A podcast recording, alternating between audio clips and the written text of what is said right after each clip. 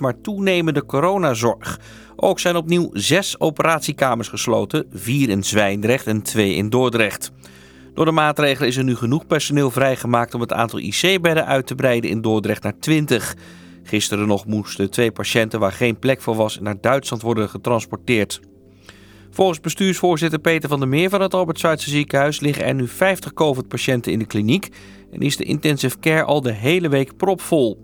Alle patiënten van wie een operatie niet doorgaat in Dordrecht krijgen een persoonlijk bericht. De meeste gereformeerde kerken gaan toch kerkdiensten houden na 5 uur s middags. Daarmee leggen ze het advies van het demissionair kabinet naast zich neer, meldt het AD. In een bericht op de website van de koepelorganisatie staat dat de zondagse erediensten essentieel zijn voor het geestelijk welzijn van de gemeente.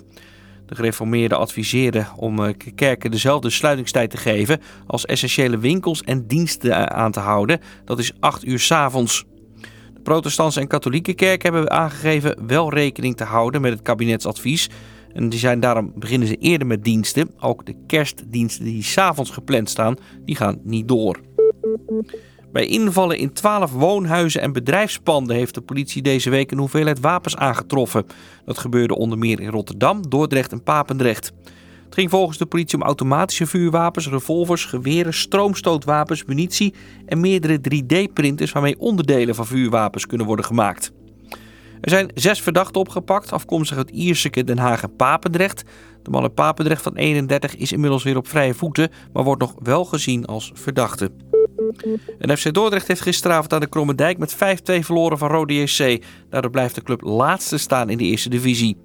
Dort kwam nog op voorsprong via Mathies Souray. Bij rust stond al 1-1. Eh, Mede dankzij drie doelpunten van oud-Feyenoorder Dylan Vente liep Roda na rust uit. Stijn Meijer maakte de tweede Dordtse goal. Excelsior komt maandag pas in actie met de uitwedstrijd bij Jong AZ. De ploeg staat tweede met vier punten achterstand op koploper Volendam. Het weer. Plaatselijk nevel of mist. In de middag gaat het overal regenen. Aan het einde van de middag wordt het vanuit het zuidwesten tijdelijk droog. En dan zijn er ook wat opklaringen. Temperatuur ligt vandaag rond de 7 graden. Dat was het nieuws. Meer via onze app en op Rijnmond.nl.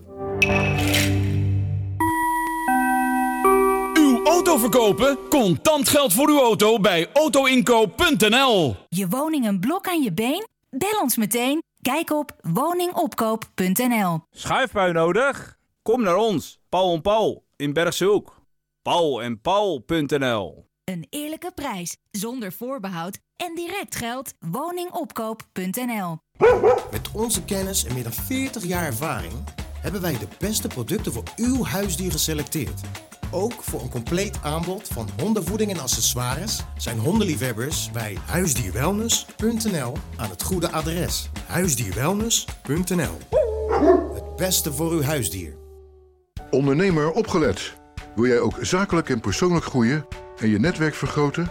En tientallen netwerkbijeenkomsten per jaar kunnen bezoeken? En dat jouw belangen proactief worden behartigd bij de overheid? Sluit je dan aan bij MKB Rotterdam Rijnmond. De meest actieve en grootste ondernemersclub in de regio. Ga naar mkb-rotterdam.nl en word lid voor nog geen euro per dag. En ben je nog geen 40 jaar? Dan krijg je het lidmaatschap van Jong NKB er gratis bij. Bij Jong NKB kun je exclusief sparren en netwerken met jouw kerscherse leeftijdsgenoten. MKB Rotterdam Rijnmond. Samen sterker ondernemen.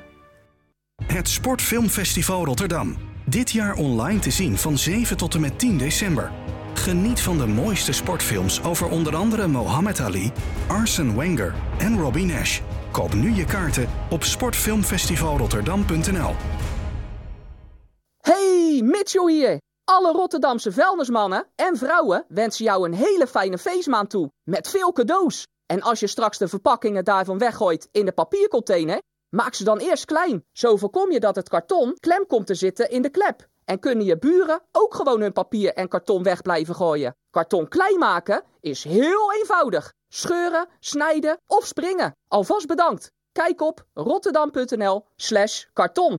Rotterdam en omgeving wakker worden. Droomvlucht slaapcomfort is uw slaapspecialist. Voor vakkundig advies met persoonlijke benadering en optimale service. Kom gerust vrijblijvend langs of maak een afspraak. Droomvlucht slaapcomfort. Uw vakmensen, jouw beddenwinkel.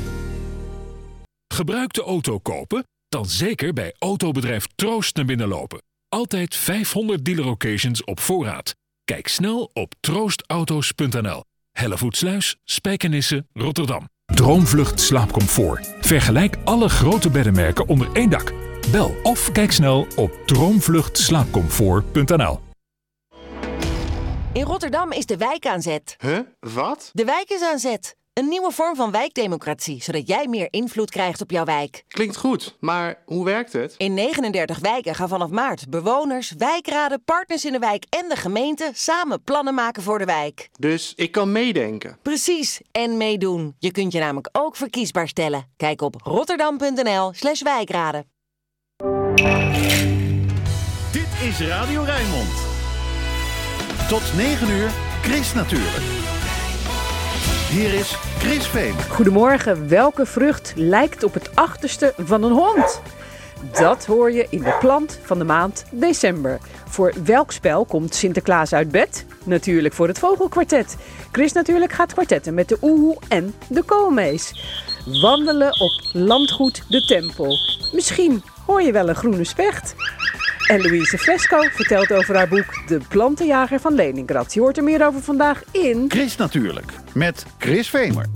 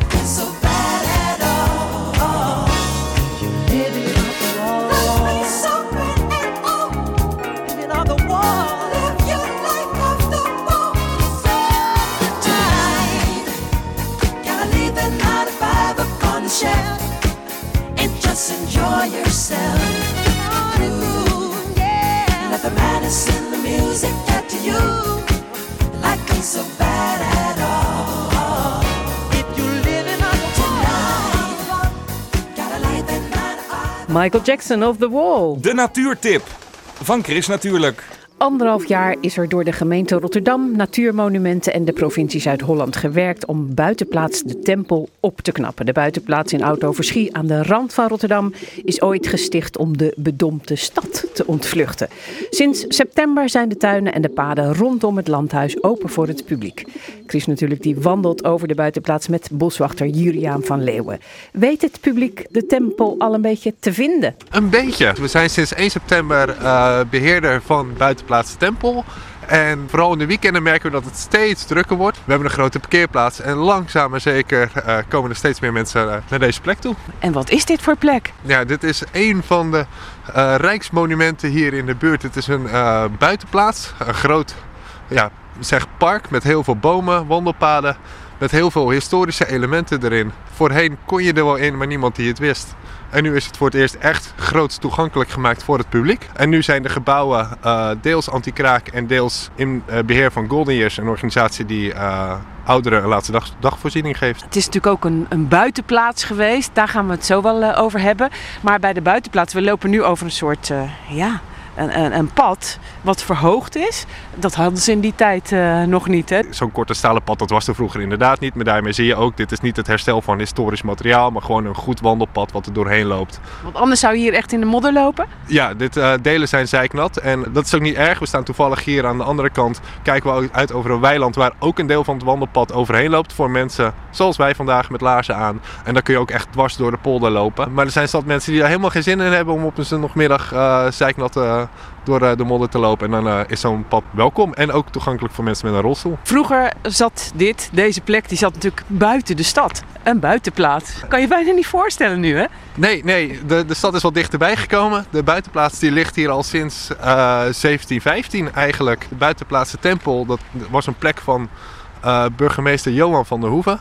Eh, toen eh, burgemeester van Rotterdam. En in de Zuidpolder, bij, tussen de melkschuur en de belevenisboerderij, eh, ook aan de noordrand van de stad, daar lag eigenlijk de tempel. Een heerlijkheid van de burgemeester, waar hij zwanen mocht driften, zijn eigen rechten had. En dat gebied heeft hij helemaal eh, met turf ontgonnen. Daardoor kwam het onder water te staan, maar heeft hij wel bakken met geld verdiend. Maar ja, je- dan zit je midden op een plas en dan wil je toch ergens eh, anders heen. En zijn schoonfamilie had hier Berkeloord. Dat was een boerderij die al echt al op deze locatie stond. En toen heeft hij die rechten hiermee naartoe genomen en is hij hier zijn buitenplaats begonnen. Ja, want mensen die ontvluchten de stad. Het was echt niet, echt, niet fijn eh, in de stad, hè? In, in de zomer. Het stonk er en eh, nou ja, bedompt. Ja, eh, maar ja, lang niet iedereen kon zomaar de stad ontvluchten, maar een burgemeester met geld kon dat wel. En eh, nou, die heeft specifiek voor deze locatie gekozen. Aan de Schie, goed bereikbaar en eh, ja, een prachtige plek om te gaan zitten. En ja, hier horen we op de achtergrond de A13, die was er toen natuurlijk helemaal niet. Als die burgemeester nu hier zou wandelen, in deze tijd. Wat zou die allemaal nog herkennen dan van zijn eigen plek? Heel weinig. Een van de dingen die hij eh, zou kunnen herkennen, dat is precies de plek waar we nu staan. Het doorzicht van het landhuis wat er nu staat. Dat is niet het huis wat in eh, 1715 er stond. Dit komt eh, uit de 19e eeuw, 20e eeuw. Maar de tuinstructuren en de doorzichten, dat was toen ook. En dat hoort echt bij het historisch ontwerp van de tuin. Dat is deze plek, deze vijver waar we nu staan. En hier zat een hele vierkante vijver. Waar die dus ook tot zwanendriften, wat hij in de ene polder mocht, eh, kon hij hier doen. Zwanendriften, dat, dat was nou, een statussymbool. Je mocht zwanendriften, dan eh, kun je de, de, de vleugels van de zwanen kortwieken, kunnen ze niet wegvliegen. Had je ze eigenlijk in bezit. En daarmee kon je je status eh, aangeven. En hij mocht twee zwanen houden en die had hij in deze vijver. Oorspronkelijk was deze vijver helemaal vierkant, super strak. Nou, dat is hij niet meer. Er hangen bo- bomen over, er groeit klimop overheen, van alles. Nou ja, en we gaan dus ook aan de slag om eh, deze vijver weer in ere te herstellen. Echt heel vierkant te maken en dat ook zichtbaar te maken. Maar eh, ja, als meneer Van der Hoeven hier nu zou lopen, zou hij denken... hé, hey, dit is nog steeds mijn vijver. En we zijn nu, nou, zeg 300 jaar later. Ja, en waar zijn de zwanen dan? De zwanen, ja, zwanen zitten hier niet. Er zitten hier wel eenden, eh, heel veel eh krakeenden, gewone eenden die hier een plekje vinden. De zwanen zitten echt in de polders hier omheen. Hier staat een leuk huisje. Is dat een theekoepel? Nou ja, dit is een theekoepel. In de 19e eeuw was hier een handelsman die, die reisde over zee. En zijn vrouw die zat hier maar. En op een gegeven moment eh, had hij voor haar een theehuisje meegenomen. We weten niet of hij het hele theehuisje heeft meegenomen of alleen het dak hiervan. Maar dat werd toen eh, ja, ook in het verlengde van het landhuis neergezet. Zodat zij eh, lekker thee kon drinken en kon uitkijken over de polders. Nou ja, als je hier nu staat, dan kijk je prachtig uit over de A13. Maar je kunt je wel een goed beeld maken hoe, eh, hoe het vroeger geweest is. En nee, we mogen alleen maar blij zijn dat het huisje hier nog staat. Er is van alles gebeurd hè, om dit een beetje op te knappen. Ik heb begrepen dat het nog niet klaar is, maar wat is er precies gedaan allemaal? Het herstel, het plan wat er ligt, dat voorziet een herstel van 30 jaar. Nou ja, we zijn een paar jaar geleden begonnen, dus dat duurt nog wel 25 jaar. Je kan wachten tot je helemaal klaar bent om het publiek te ontvangen. We kunnen ook gewoon eerst het publiek ontvangen en blijven zeggen dat we nog in ontwikkeling zijn. Dus de paden zijn verbeterd, opengemaakt. We kunnen perfect wandelen. We hadden net het kort en stalen pad, maar we hebben hier nou, een soort schelpenpaadjes door het bos. Dat hebben we nu klaar. En de parkeerplaats, want dat heb ik ook nog nooit meegemaakt. Ik ben hier wel vaker geweest en toen was die parkeerplaats er nog niet. Nee, nee. eh, we verwachten dat het hier gewoon in de loop der jaren druk gaat worden. Dan willen we geen parkeerders overal op de buitenplaats. Dus dat hebben we gewoon goed georganiseerd. Die ligt tegen de snelweg aan. En van daaruit kun je heel goed de buitenplaats opwandelen. Deze grond is eigendom van de gemeente Rotterdam, maar jullie zijn de beheerders. Maar ja, zo'n landgoed beheren, dat is denk ik toch weer anders dan de natuur beheren. Ja, eh, los van dat er heel veel natuurwaarde op zo'n eh, ja, buitenplaats eh, is. Eh, wij als boswachters van het Rotterdamse platteland zijn vooral gewend om polders te beheren. En naar maaien we zorgen dat het wat natter is en dat er veel weidevogels terugkomen.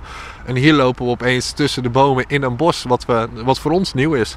En, en daarmee ontzettend leuk om, om mee te maken. Dat, dat, ja, dat we dit nu mogen doen, dat is fantastisch. Eh, maar wel wennen. En wat is dit voor huis waar we hier nu voor staan? Dit is het koetshuis. We hopen ooit horeca eh, te kunnen openen op de buitenplaats. Permanente horeca. Nou, dan zou dit bijvoorbeeld een mooi gebouw voor zijn. Maar ja, dat moet allemaal nog ontwikkeld worden. Daar is nog niks over zeker. Boven onze hoofden een echte bosvogel. Nou ja, we zien hem ook in de stad, maar Ja, we hebben hier eh, de merel die hier eh, ja, de laatste zaadjes uit de boom aan het eten is. De leuke soorten wat ik vind is dat je hier altijd een specht hoort. Of een grote bonte of een groene specht. Nou, halsbandpakieten zitten hier ook veel. Maar heel veel eh roodborstenmerels, vink. ja, die hoor ik nu, die roodborst hier. Ja, die, die, die zit hier eh, ja, in de boomgaard. Die, eh, oh, daar ging de merel weer. In de boomgaard. Ja, genoeg om eh, te ontdekken. Hier komen we langs een beeld en dat is wel bijzonder, want er zijn nu wat minder beelden op het eh, landgoed. Die zijn allemaal te zien in het museum hier vlakbij. Ja, Buitenplaats Tempel kent heel veel beelden. Eh, Sommige van nationaal belang, maar eh, de kwaliteit ervan ging wel achteruit. Historisch Stadsherstel Rotterdam heeft ze nu in beheer om ze te herstellen. En uiteindelijk is het doel dat al die beelden weer terugkomen. En een deel eh, van die beelden is nu te zien in Museum Oud Overschie. Hier een mooi bruggetje waar we over gaan. Ja, we lopen hier over een van de vele bruggetjes op de buitenplaats. En die worden ook allemaal hersteld. En er zijn heel veel beelden, foto's beschikbaar over hoe ze er ooit uitzagen, begin vorige eeuw nog. Ja, ja, dit is de landschapstuin met eh, ja, de, de, de grillige vormen. Wat hier ook in was vroeger was een stinsencirkel. Eh stinsenplanten die passen echt goed bij buitenplaatsen. Dat zijn aangeplanten, nou, zeg krokussen, sneeuwklokjes, al dat soort hyacinten, al dat soort eh, planten die, die eh, werden gewoon ingepoot om het in het voorjaar meer kleur te geven. Ook dat gaan we herstellen, zodat we volgend voorjaar weer hier een eh, kleurrijk voorjaar hebben. En dat kan al in januari beginnen dan, geloof ik, hè? Ja, nou ja, wanneer komen de sneeuwklokjes? Januari, februari, de krokussen. Nou ja, dus dan een goed moment om hier weer terug te komen. En dan ziet het er weer heel anders uit. Nou, in de verte zien we het landhuis al opdoemen. En dan kom je binnen via dat chique hek. Vroeger, denk ik, met een koets. Ja, en je ziet ook als je goed kijkt staan de letters van de tempel nog in het hek. En het eh, landhuis, ja, dit eh, is nog niet zo heel oud. Ergens in de jaren 30 van vorige eeuw neergezet. We staan hier voor nou, een klein slootje met daarvoor drie, zoals ze dat noemen, stroomgoden. En dat zijn drie eh, ja, liggende beelden van ongeveer anderhalf meter breed ieder. Dit zijn eigenlijk de replica's van de houten beelden die hier vroeger lagen. Maar het nadeel van houten beelden, en dat is psychologisch, die moet je in het najaar binnenhalen. En in het voorjaar kunnen die wel weer naar buiten, want anders gaan ze te hard achteruit. En dat zou zonde zijn als ze nou, verrotten. Uh, dus die zijn op een gegeven moment in de jaren 50 in de opslag gegaan bij uh, de gemeente Rotterdam. En daar zijn deze voor teruggekomen. Maar wat bijzonder is, is dat nu in Museum Auto Verschie het middelste beeld te zien is. Het, het oorspronkelijke houten beeld. Dat ligt daar in een glazen kist. En dat kan, uh, ja, daar moet je heel voorzichtig mee zijn natuurlijk. Maar die is wel te zien. En op de plek waar we nu staan, er staat nu een buxusboompje. Maar ehm, daar staat de dolfijn die in het museum staat. En die komt hier uiteindelijk ook weer terug. En je ziet onder de beelden hier zie je een uh, sleuven zitten waar water uit zou kunnen komen. Die dolfijn die kan ook water spuwen. Nou, hoe werd dat vroeger gedaan? Toen was er geen uh, kraantje. Maar de, ja, de schie die ligt ietsje hoger. En we willen die verbinding vanuit de schie ook weer herstellen. Dat het water uit de schie hier de fontein in uh, kan komen. Zo, dan steken we de weg over. Dus dit hoort gewoon nog bij jullie gebied? Ja, dit eh, is eh, echt een smalle strook van 10 meter breed, maar met een gigantische aanlegstijger eraan. En eh, je moet je bedenken, vroeger was de A13 er niet, maar alle andere wegen die waren er ook niet echt. En de schie waar we nu aan staan, dat was de snelweg van, van toen. Johan had hier ook echt een aanlegplaats gemaakt om te zorgen dat hij vanuit de stad makkelijk en snel naar zijn buitenplaats kon. En dat kan nu dus nog steeds. Ja, we zien nu al heel veel mensen vanuit Delft en vanuit Rotterdam hier een bootje aanleggen. De schie is natuurlijk druk bevaarbaar. En nou, je kunt hier even aanleggen. Zo, wat staan we bij een mooie boom en dan eh, echt eh, verscholen voor de wind? Ja, eh, we staan hier bij, zoals wij zeggen, de oudste eik van Rotterdam. Dat weten we niet helemaal zeker, maar het vermoeden is wel heel groot. Als hij, hij komt uit ja, 1830, 1840. Maar je hebt drie mensen nodig om hem te omarmen. Ja, een fantastisch, mega grote boom. Ja, en in zo'n eik leven dan ook weer duizenden andere soorten. Dus eh, nou, we mogen trots zijn dat hij hier staat. En ja, veel hout is natuurlijk in de oorlog opgestookt in de gemeente. eh, Of gebruikt voor de herbouw. Dus nou, daarmee zijn er gewoon heel veel binnen de gemeente Rotterdam verdwenen. Wat heel logisch is. En deze eh, staat er nog. Dus dat is mooi. De misschien wel oudste eik van Rotterdam vind je dus op buitenplaats De Tempel in Rotterdam. De Tempel is het startpunt van de nieuwe wandelroute tussen Delft en eh, Rotterdam. En op de buitenplaats heb je dus geen kaplaarzen nodig. Maar als je daarna door het boerenland verder loopt, dan kunnen wij kaplaarzen aanraden. You fill me up till you're empty. I took too much and you let me. We've been down all these roads before, and what we found don't live there anymore. It's dark, it's cold. If my hand is not the one you're meant to hold, maybe you'd be happier with someone else. Maybe loving the reason you can't love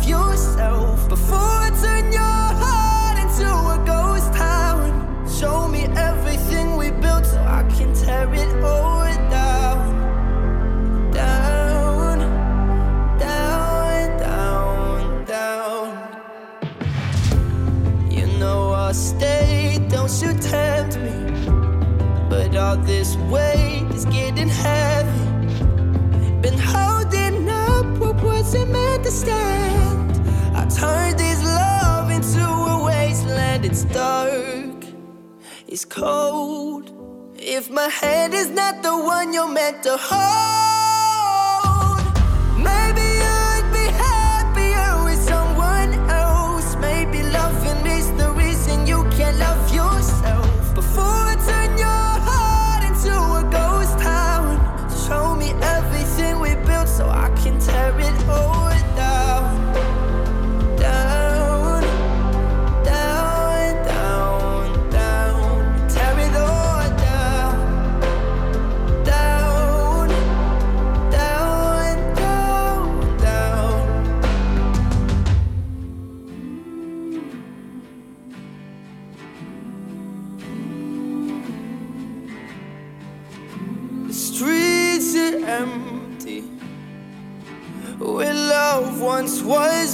faded away. These broken memories. I'm left here alone and afraid to say. Maybe you would be happier with someone else. Oh,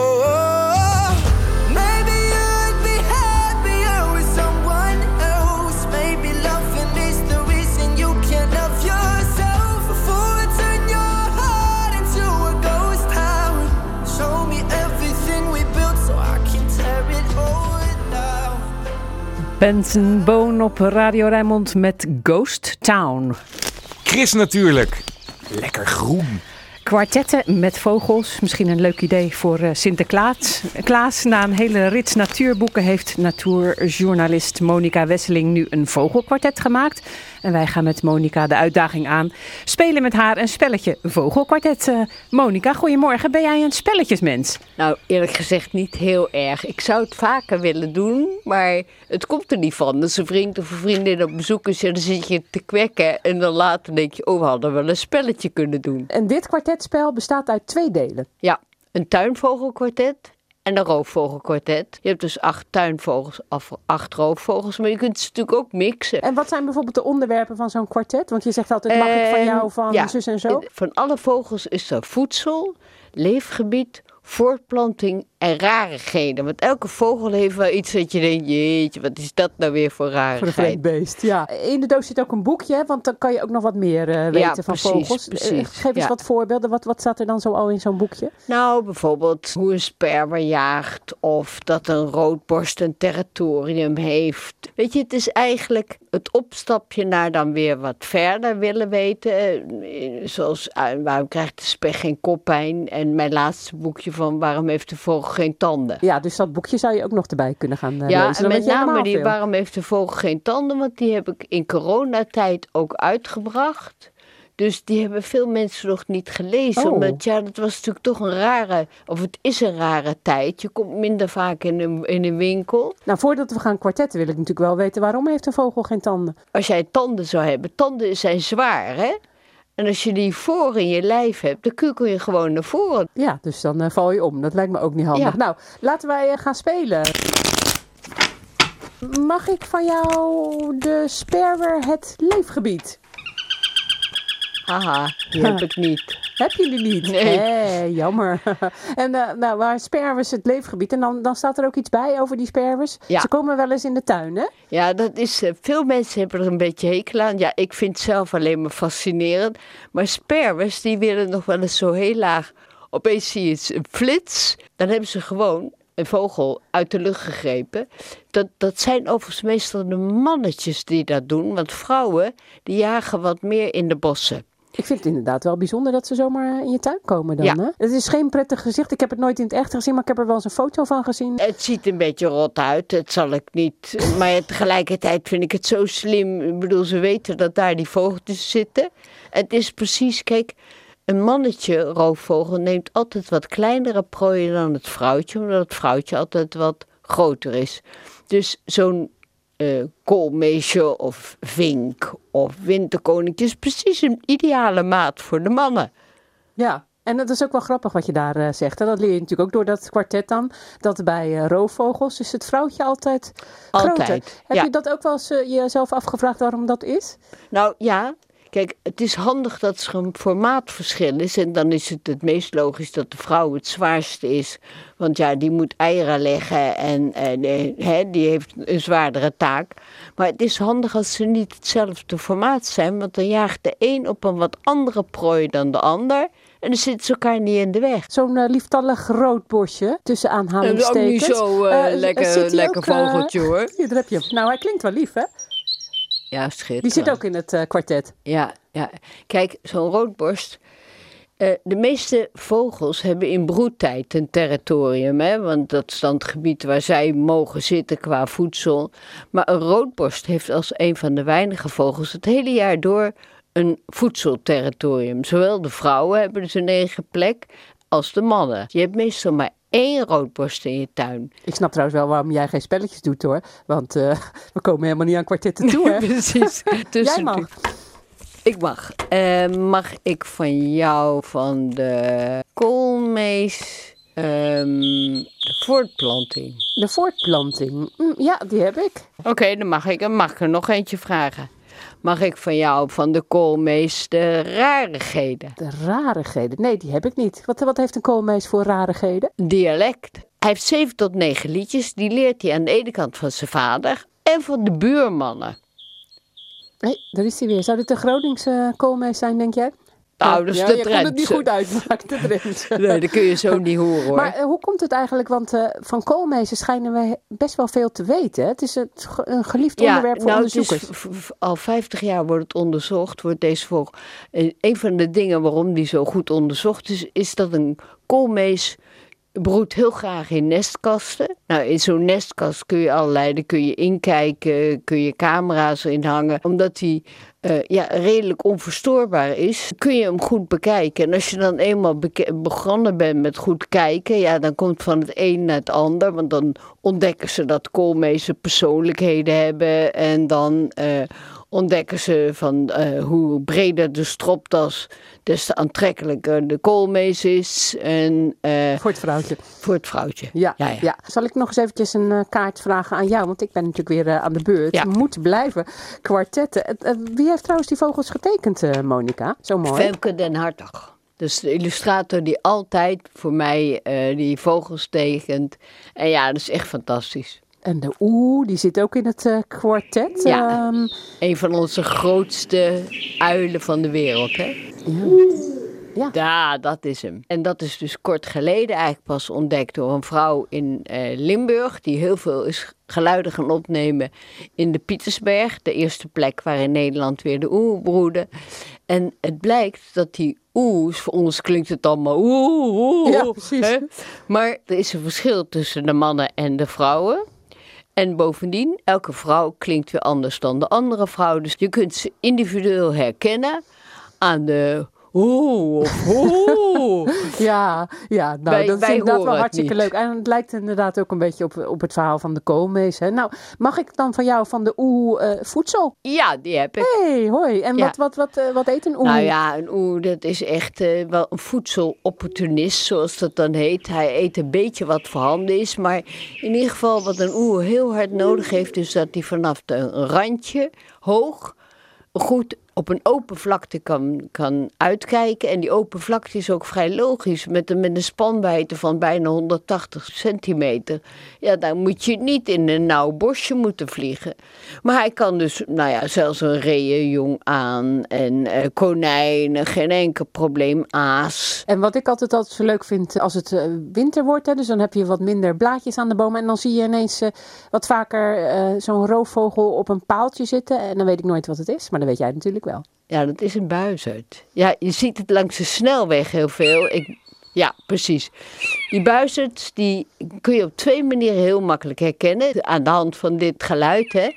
Dat is dat, ze noemen dat miauwen. Nou, dat is best een goede, goede omschrijving. Dan zie je buizerds hoog in de lucht schroeven, heet dat. Dan van die rondjes draaien. Dan zijn ze op de thermiek, dus de opstijgende lucht, zijn ze aan het stijgen. En van grote hoogte kunnen ze dan dus prima muizen zien. Maar als ze op zo'n paaltje zitten of zo op hun typisch waggelende manier door het grasveld lopen, dan, of weiland, dan zijn ze op zoek naar regenwormen. Want ook dat eten ze dus. Wie heeft er nou gewonnen, Monica? Ehm, zullen we het even doen? Oké, nee, maar dat kan niet. Er moet er één winnen. Oké, nou dan heb ik gewonnen. Want ik weet het meest.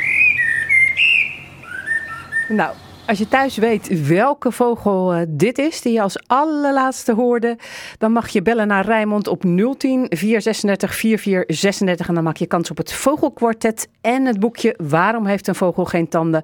Allebei van Monica Wesseling. In de winkel kost het boekje 15 euro en het kwartetspel 17 euro en 50 cent. Chris Natuurlijk. De weekendbijlage. Wat staat er in de weekendkranten over groen en natuur? Dat hoor je in het overzicht dat ik vandaag lees met Dave Datema, die vanwege Sinterklaas vandaag dienst heeft en morgen vrij. Toch? Dave? Ja, inderdaad. Ja, ja, om nou met Sinterklaas te gaan werken vanaf eh, vijf uur s ochtends is ook niet zo handig. Ehm, de kranten die hebben een, eh, een rode lijn en dat is dode dieren. Eh, Het AD legt bijvoorbeeld uit wat je moet doen als je overstekend wild aanrijdt. Want je kunt eh, op de weg nog zo goed opletten. Het kan zomaar een keer gebeuren dat je bijvoorbeeld een, eh, een ree aanrijdt. Alvast één tip, rij niet door, want dat is strafbaar. Ja, in zijn wekelijkse dierencolumn in Trouw schrijft Jelle Reumer dat de evolutie nooit rekening heeft gehouden in al die miljoenen jaren met het verschijnsel verbrandingsmotor. Sinds de uitvinding daarvan worden insecten bij miljarden op autoruiten geplet, worden zoogdieren, padden en kikkers bij miljoenen doodgereden en worden vogels in vliegtuigmotoren gezogen. De Telegraaf heeft een reportage over het zoeken naar truffels. Deze maand zal de UNESCO eh, beslissen of de zoektocht naar truffels op de werelderfgoedlijst kan worden geplaatst. Met deze eeuwenoude traditie worden van oudsher varkens ingezet, maar tegenwoordig zijn het vooral honden die meehelpen om de truffels te zoeken.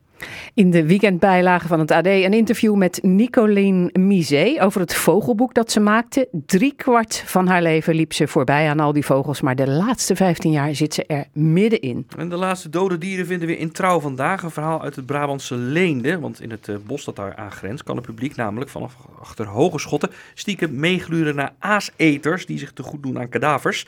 Op de plek worden vaak vossen gezien, zwijnen, marterachtige vogels en muizen. En in de zomer zie je ook veel maden en insecten als kevers en vlinders. Lacht aan jou. Daar uh, heel veel uh, dode dieren in dit uh, weekend ja, overzicht. Ik weet niet hoe dit komt. Dave Datema was dat. Dankjewel en een fijne Sinterklaas vast hè. Dank je. En dan gaan we naar het weerbericht van Ed Aldus. Ed, uh, goedemorgen. Geen uh, makkers staakt uw uh, wild geraas, maar nee. regen met Sinterklaas, toch Ed? Ja, nee, dat gaat zeker gebeuren. Want uh, de dag die begint, ja, troosteloos zou ik het toch wel willen noemen, Chris. Het is ontzettend grijs met nevel, plaatselijk ook nog mist. Er kan ook nog een druppeltje motregen vallen. Er waait een matige zuidenwind. Nou ja, die zorgt ervoor dat die gevoelstemperatuur gewoon laag ligt. Net iets boven het vriespunt. De echte temperatuur wijst nu zo'n 4, 5 graden aan. En er komt inderdaad regen op ons af. Het is trouwens maar een hele smalle regenzone hoor. Momenteel boven het oosten van Engeland trekt nu de Noordzee op. En vanaf het middaguur gaat het hier ook enige tijd regenen. Maar nog voor het eind van de middag wordt het alweer droog met opklaringen vanuit het zuidwesten. Ja, de maximumtemperatuur die komt uit op een graad of 7 en de wind nu nog uit het zuiden, maar gaat vanmiddag uit het westen waaien en wordt aan zee krachtig een windkracht 6. Ja, vanavond en vannacht dan gaan er weer buien vallen. Dus het is maar tijdelijk droog eind van de middag, begin van de avond. Buien dus. De temperatuur die zakt erbij vannacht naar ongeveer een graad of 4. De wind aan zee vrij krachtig en die waait dan meestal daar uit het westen. Ja, en morgen een uh, dag met veel bewolking, nauwelijks zon. En er kan verspreid een beetje regen vallen of een bui, met name in de loop van de dag. Ik denk niet dat het al te veel voorstelt, maar toch kan weer wat druilerig zijn of worden. Een temperatuur van een graad of 6, maar in de loop van de middag wordt het wat kouder. Uiteindelijk in de middag 4 graden en morgen tijdens pakjesavond is het een graad of 3. En dan tijdens pakjesavond lijkt het vrijwel droog te blijven. Kan dus wel een spatje voorkomen. Dus ja, al met al toch een waterkoud weekend. Ja, nou ja, gelukkig hoeft uh, de Sint uh, geen regenjas aan dan uh, morgenavond. Want het staat zo lelijk, hè? Over zo'n zo'n mooi ja. rood pak. Ja, zeker ja. tenzij die natuurlijk een rode regenjas heeft. Maar ja, ja volgende week blijft het trouwens aan de waterkoude kant. Met temperaturen ja, die dicht tegen het gemiddelde aan liggen. Misschien dat het soms eventjes iets te koud is. Met temperaturen middags tussen 4 en 7 graden. Soms valt er wat regen of een bui. Maandag en dinsdag lijkt het overdag meest droog te blijven zelfs. En misschien dat, dat dinsdag ook nog af en toe de zon even tevoorschijn komt. Een s'nachtstemperatuur iets boven nul. Ja, een echte overgang naar winterweer verwacht ik niet. Hoewel de neerslag soms uh, in de vorm van wat natte sneeuwvlokken zou kunnen vallen in de avond, avond- en nachturen. Nou, uh, Ed, op naar een witte kerst dan, hè? Ja, ik hoop het, Chris. Oké, okay, fijn weekend. Hoi. Hey, fijn weekend, hoi. Luisteren allemaal naar Chris. Kom daar toch. Chris, natuurlijk.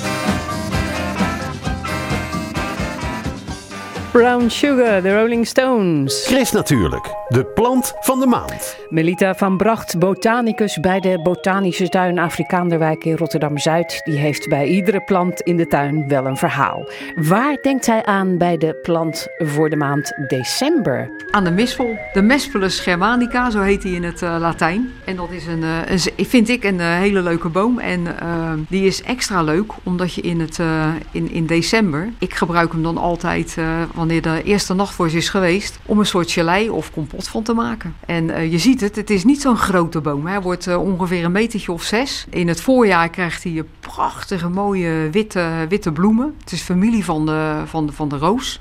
Nou, dat kan je ook aan de bloemen zien. Ja, en het gaat eigenlijk om de vrucht. En eh, iedereen eh, kent eh, denk ik wel de uitdrukking, zo rot als een mispel. Nou, dat, heeft, dat zeggen we natuurlijk niet voor niks.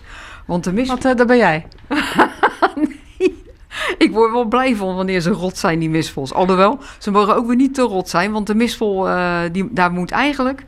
Wat het belangrijkste is, daar moet eerst een nachtworstje overheen. Of twee. En dan wordt hij een soort van zacht. Want anders is die eigenlijk niet te nassen. Dan is die knetterhard. Je kan ze dan wel plukken. En wat ik zelf altijd doe, is dan, eh, dan haal ik een maaltje van zijn boom af. Dan duw ik het in de diepvries. En dan wanneer ik denk van nou, nou is het wel tijd, heb ik tijd om, eh, om zo'n wispel eh, onder handen te nemen. Om zo'n kompot te maken of een, of een geleitje. Dan haal ik ze eruit en dan pas ga ik ermee aan de, aan de slag. Maar ook wel een raar idee dat je dan iets kunt eten wat eigenlijk rot is. Nou, het is niet echt rot. Het is echt die, eh, want als die rot is, is die echt niet meer lekker. En ik heb eh, natuurlijk twee verschillende meegenomen. Eentje is nog keihard. En als je ernaar kijkt, want dat is wel, eh, wel, wel leuk. hij is bruin van kleur. En er zit een beetje een, een raar achterkantje aan. En in Frankrijk wordt hij ook wel gekscherend cul de chien genoemd. Oftewel het poepgat van, eh, van de hond. Nou ja, en eh, mensen die... eh, Als, kijk, zoek hem maar op op internet, dat vruchtje. Of zoek hem eens op op de markt. Daar hebben ze ze ook wel eens liggen. Dan, dan zie je precies wat, wat daarmee bedoeld wordt. Want het is inderdaad eh, achterkantje van een hond, zullen we maar zeggen. En als die zo zacht is... Dan is, die eigenlijk, eh, is de tijd rijp om hem eh, te gaan bereiden. Maar het is niet zo bekend, hè? Want ik eh, had begrepen dat het een, wat ze dan noemen, een vergeten vrucht is. Dat is zeker waar wat je zegt, want hij is in de tijd van, van... Want hij komt eigenlijk uit de omgeving van de Zwarte Zee en de Kaspische Zee vandaan. En de Romeinen hebben gezorgd dat hij richting ons is gekomen. En dat hebben ze natuurlijk niet voor niks gedaan, want dingen worden verhuisd wanneer je ze of mooi vindt... Of eh, je kan er iets van, eh, van halen. Nou, hier konden we deze, deze vruchten van halen. Dus vandaar dat ze hem deze kant heen hebben gehaald. Dan werd hij vaak bij kloosters neergezet. Linnaeus heeft hem beschreven. En Linnaeus eh, die heeft de naam Mespilus Germanica. Nou ja, Germanica, dat is Duitsland. Want hij dacht dat dat ding daar vandaan kwam. Want daar, kennelijk waren ze daar meer, meer verspreid. En dachten ze dat ze daar vandaan kwamen, uit het wild. Maar dat is, blijkt dus achteraf niet zo te zijn. Dus eigenlijk is de naamgeving een beetje fout, maar we kan ons het schelen, toch? En jij zoekt eh, wel eens op eh, of het eh, iets geneeskrachtigs heeft of zo. Dat, hè, dat hadden ze vroeger vaak gebruikt. ze dat. Is dat bij deze ook? Wanneer je er te veel van eet, dan werkt het wel laxerend. Dus daar moet je wel, en je kan zelfs duizelig ervan worden. Dus ik zou zeggen van, dan als je ze rauw eet, dan eh hè, de één of twee, dat is dan meer dan genoeg. Want wanneer je ze eenmaal kookt, dan is al die, nou, dan zijn die werkingen in ieder geval weg. En wat maak je er nou van? Je kan er, eh, ja, daar gaan we weer, liqueur van maken. Of je kan kompotten van maken, of je kan gelei ervan maken. Dus doe maar net eh, wat je zelf wil. Nou, weet je wat? Zullen we het gewoon weer op die, eh, die link op die site zetten? Is dat niet handig? Het recept voor wat? Nou, ik denk voor, voor liqueur en voor kompot, toch? En, en lukt het niet met dit, want dat, dat, dat kan ik ook wel zeggen, probeer dan op de markt gewoon kweeperen te krijgen. Dat is eigenlijk ook wel lekker. Het lukt dus niet voor Sinterklaas, hè, want dat is het morgen. Nee, dat, eh, dat gaat niet voor Sinterklaas lukken. Nee. Dan hebben de mensen met kerst een, eh, een lekker hapje. Hebben ze een heerlijk hapje. Nou, en hoe je dat heerlijke hapje of drankje maakt, dat lees je dus op de site van de Botanische Tuin Afrikaanderwijk in Rotterdam-Zuid. Op chrisnatuurlijk.nl staat een linkje naar het recept. as the snow flies. On a cold and gray Chicago morning, a poor little baby child is born in the ghetto. And his mama cries. Cause if there's one thing that she don't need is another hungry mouth to feed in the ghetto. People, don't you understand? Child needs a helping hand. He'll grow to be an angry young man someday. Take a look at you and me. Are we too blind to see? Do we simply turn our heads and look the other way? Well, the world turns. And a hungry little boy with a runny nose plays in the street as the cold wind blows in the ghetto. And his hunger burns. So he starts to roam the streets at night and he learns how to steal and he learns how to fight in the ghetto. Then one night in desperation, the young man breaks away. He buys a gun, he steals a car, tries to run, but he don't get far, and his mama cries. As a crowd gathers round, an angry young man face down in the street with a gun in his hand in the ghetto. And as her young man dies, on a cold and gray Chicago morning, another little baby child is born in the ghetto. And his mama cried.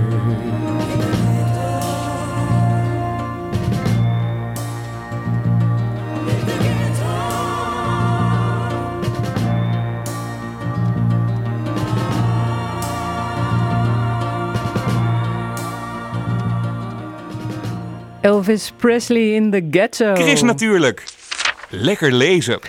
Honger de wereld uithelpen, dat was het doel van Nikolai Vavilov. Landbouwwetenschapper en schrijver Louise Fresco die schreef een historische roman over deze Russische plantkundige. Maandag gaat Louise in debatpodium Arminius in Rotterdam in gesprek met Ernest van der Kwast over dit onderwerp online te volgen via een livestream.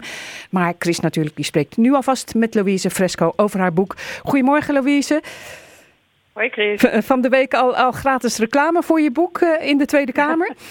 Ja, geweldig hè? Het is niet zo vaak dat literatuur in de Tweede Kamer wordt genoemd bij de begrotingsdebatten.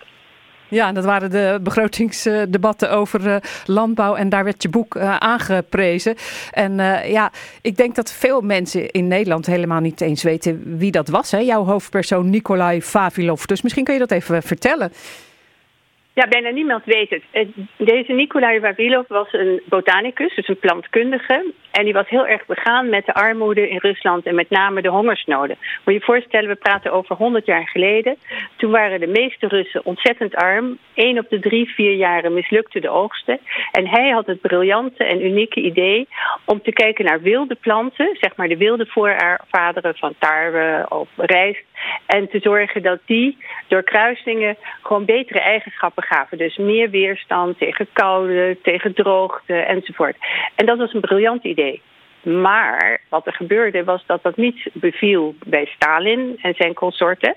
Want eh, ja, hij was een wetenschapper, dus hij zei ja, dat ga ik allemaal langzaam rustig doen. En hij wou dat ook internationaal doen. Dus hij reisde naar 65 landen, had allemaal internationale contacten.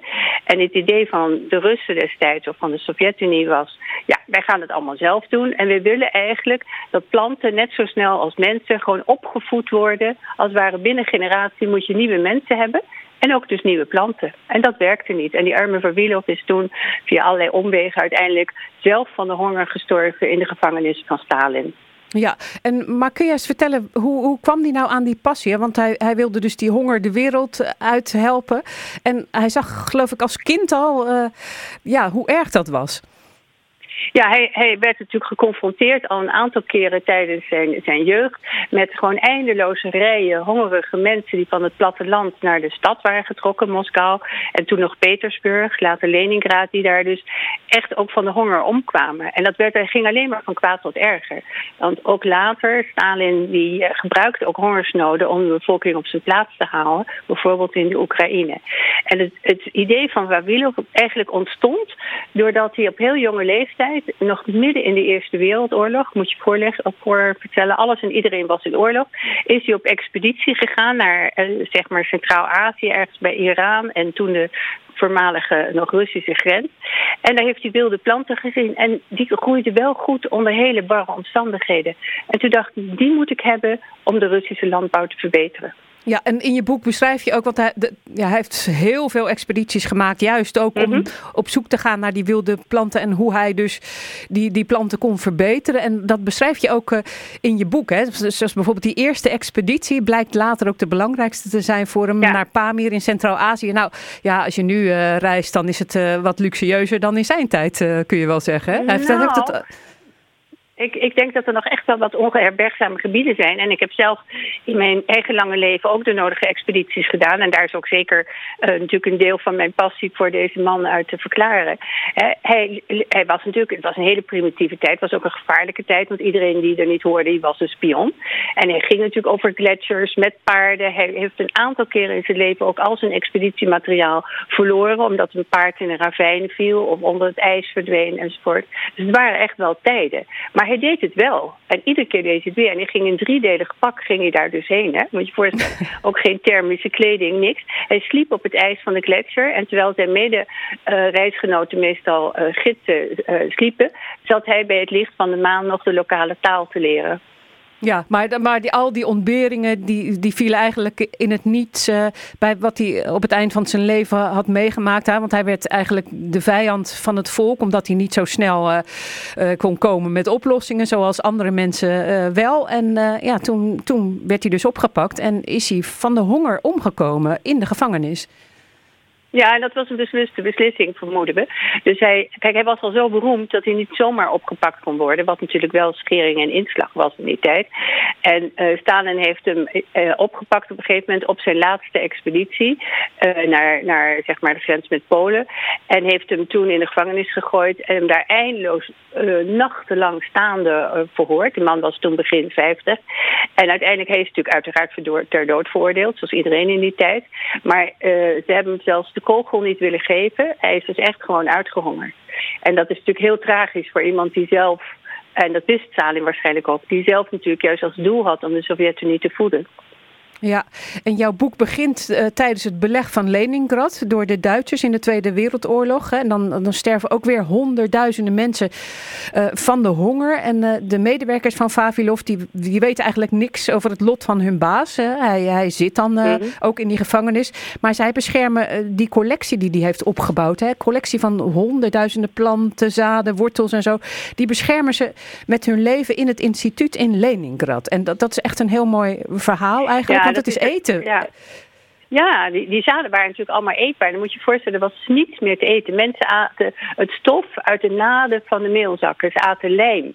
Het was een vreselijke strijd in tijd. Het ergste beleg van de, van de Tweede Wereldoorlog. En die medewerkers die zaten in een of ander oud tsaristisch paleis. Daar was die collectie ge- gehuisvest. En eh, die hebben gewoon alle luiken dicht gedaan. Die hebben dus, dus daar, daar jaren gezeten. Want dat duurde dus jaren, dat beleg. Zonder licht, zonder water, zonder elektriciteit. En die, met een enorme strijd tegen de ratten en allerlei ongedierte. En die hebben de zaak dus met hun leven beschermd. En eh, het, het bijzondere is dat Stalin dus wel oog had voor de schatten van de Hermitage, maar niet voor deze botanische schatten, die nu ook hè, internationaal erkend zijn als het erfgoed van de mensheid. Maar Hitler had dat wel. Dus op hetzelfde moment dat Leningrad belegd, eh, dus onder dat beleg zat, heeft Hitler een zondercommando gestuurd, dat niet is aangekomen, eh, om die collectie van Vavilov te stelen. En het is natuurlijk een prachtig verhaal. Het is ook echt, mijn boek is een, een, een eh, hoop ik heel mooi geschreven, maar ook een tragisch verhaal van heldendom, van moed, van eerlijkheid ook. eh, tegenover een niets ontziend regime. En daar zit ook wel les in voor vandaag. Hè? Blijf eerlijk, zeg de waarheid, wat het ook kost. Ja, nou de mensen kunnen het verder lezen in je boek. En van eh, maandag dan eh, kunnen ze ook in Arminius nog verder le- lezen. Want er is natuurlijk nog veel meer over te vertellen. In Arminius in Rotterdam. Met, eh, dan gaat Louise in gesprek met Ernest van der Kwast. Allemaal te volgen via een live stream voor wie een kaartje bestelt. De plantenjager uit Leningrad. Het is uitgegeven bij Prometheus. Kost bij de boekhandel in de buurt 22,90 euro. Louise, hartelijk dank voor je verhaal. En heel veel succes met je boek en met de wetenschap. Dankjewel Chris, fijn dat ik je gesproken heb. En eh, dat is, was wederzijds. Dit was eh, Chris natuurlijk. Ik wens jullie allemaal een hele fijne Sinterklaas. En eh, volgende week dan zijn we er weer. Dan bereiden we jullie voor met een, op een groene kerst.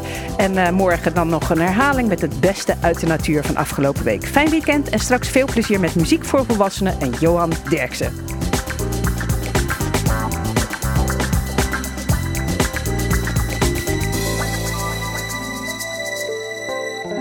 Chris Natuurlijk. Kijk ook op chrisnatuurlijk.nl. Morgenmiddag valt er een heel fijn pakketje door je schoorsteen. Radio Rijnmond Sport. Gevuld met twee feestelijke wedstrijden. AZ Sparta en Feyenoord Fortuna. Ja, wie zoet is krijgt lekkers. Dus zet je schoen en ga met je banketstaaf gezellig bij de radio zitten. Morgenmiddag vanaf 2 uur. Hier op Radio Rijnmond. Auto verkopen? Contant geld voor uw auto bij autoinkoop.nl. Hey, Mitchell hier. Alle Rotterdamse vuilnismannen en vrouwen wensen jou een hele fijne feestmaand toe. Met veel cadeaus. En als je straks de verpakkingen daarvan weggooit in de papiercontainer, maak ze dan eerst klein. Zo voorkom je dat het karton klem komt te zitten in de klep. En kunnen je buren ook gewoon hun papier en karton weg blijven gooien. Karton klein maken is heel eenvoudig. Scheuren, snijden of springen. Alvast bedankt. Kijk op rotterdam.nl slash karton. Bent u op zoek naar raambekleding op maat gemaakt? Kom dan eens langs bij Jaloezierenfabriek Zuid. De specialist in de regio als het om raambekleding gaat. Jaloezierenfabriek Zuid, Beverwaartseweg 295 Rotterdam. Kijk ook op onze zeer uitgebreide webshop jfz.nl. Tegen zoveel voordeel bij Trekpleister kun je geen weerstand bieden. Zoals Davitamon compleet weerstand met vitamine D. Nu alle Davitamon 1 plus 1 gratis. Trekpleister, altijd meer drogist voor jou, ook online. Met uitzondering van geneesmiddelen. Overtollige pallets? Palletcentrale.nl Het palletbedrijf van de regio Rijnmond. Palletcentrale.nl De kracht onder de vracht. Vanaf deze week bij Trekpleister extra voordeelpakkers voor Sint.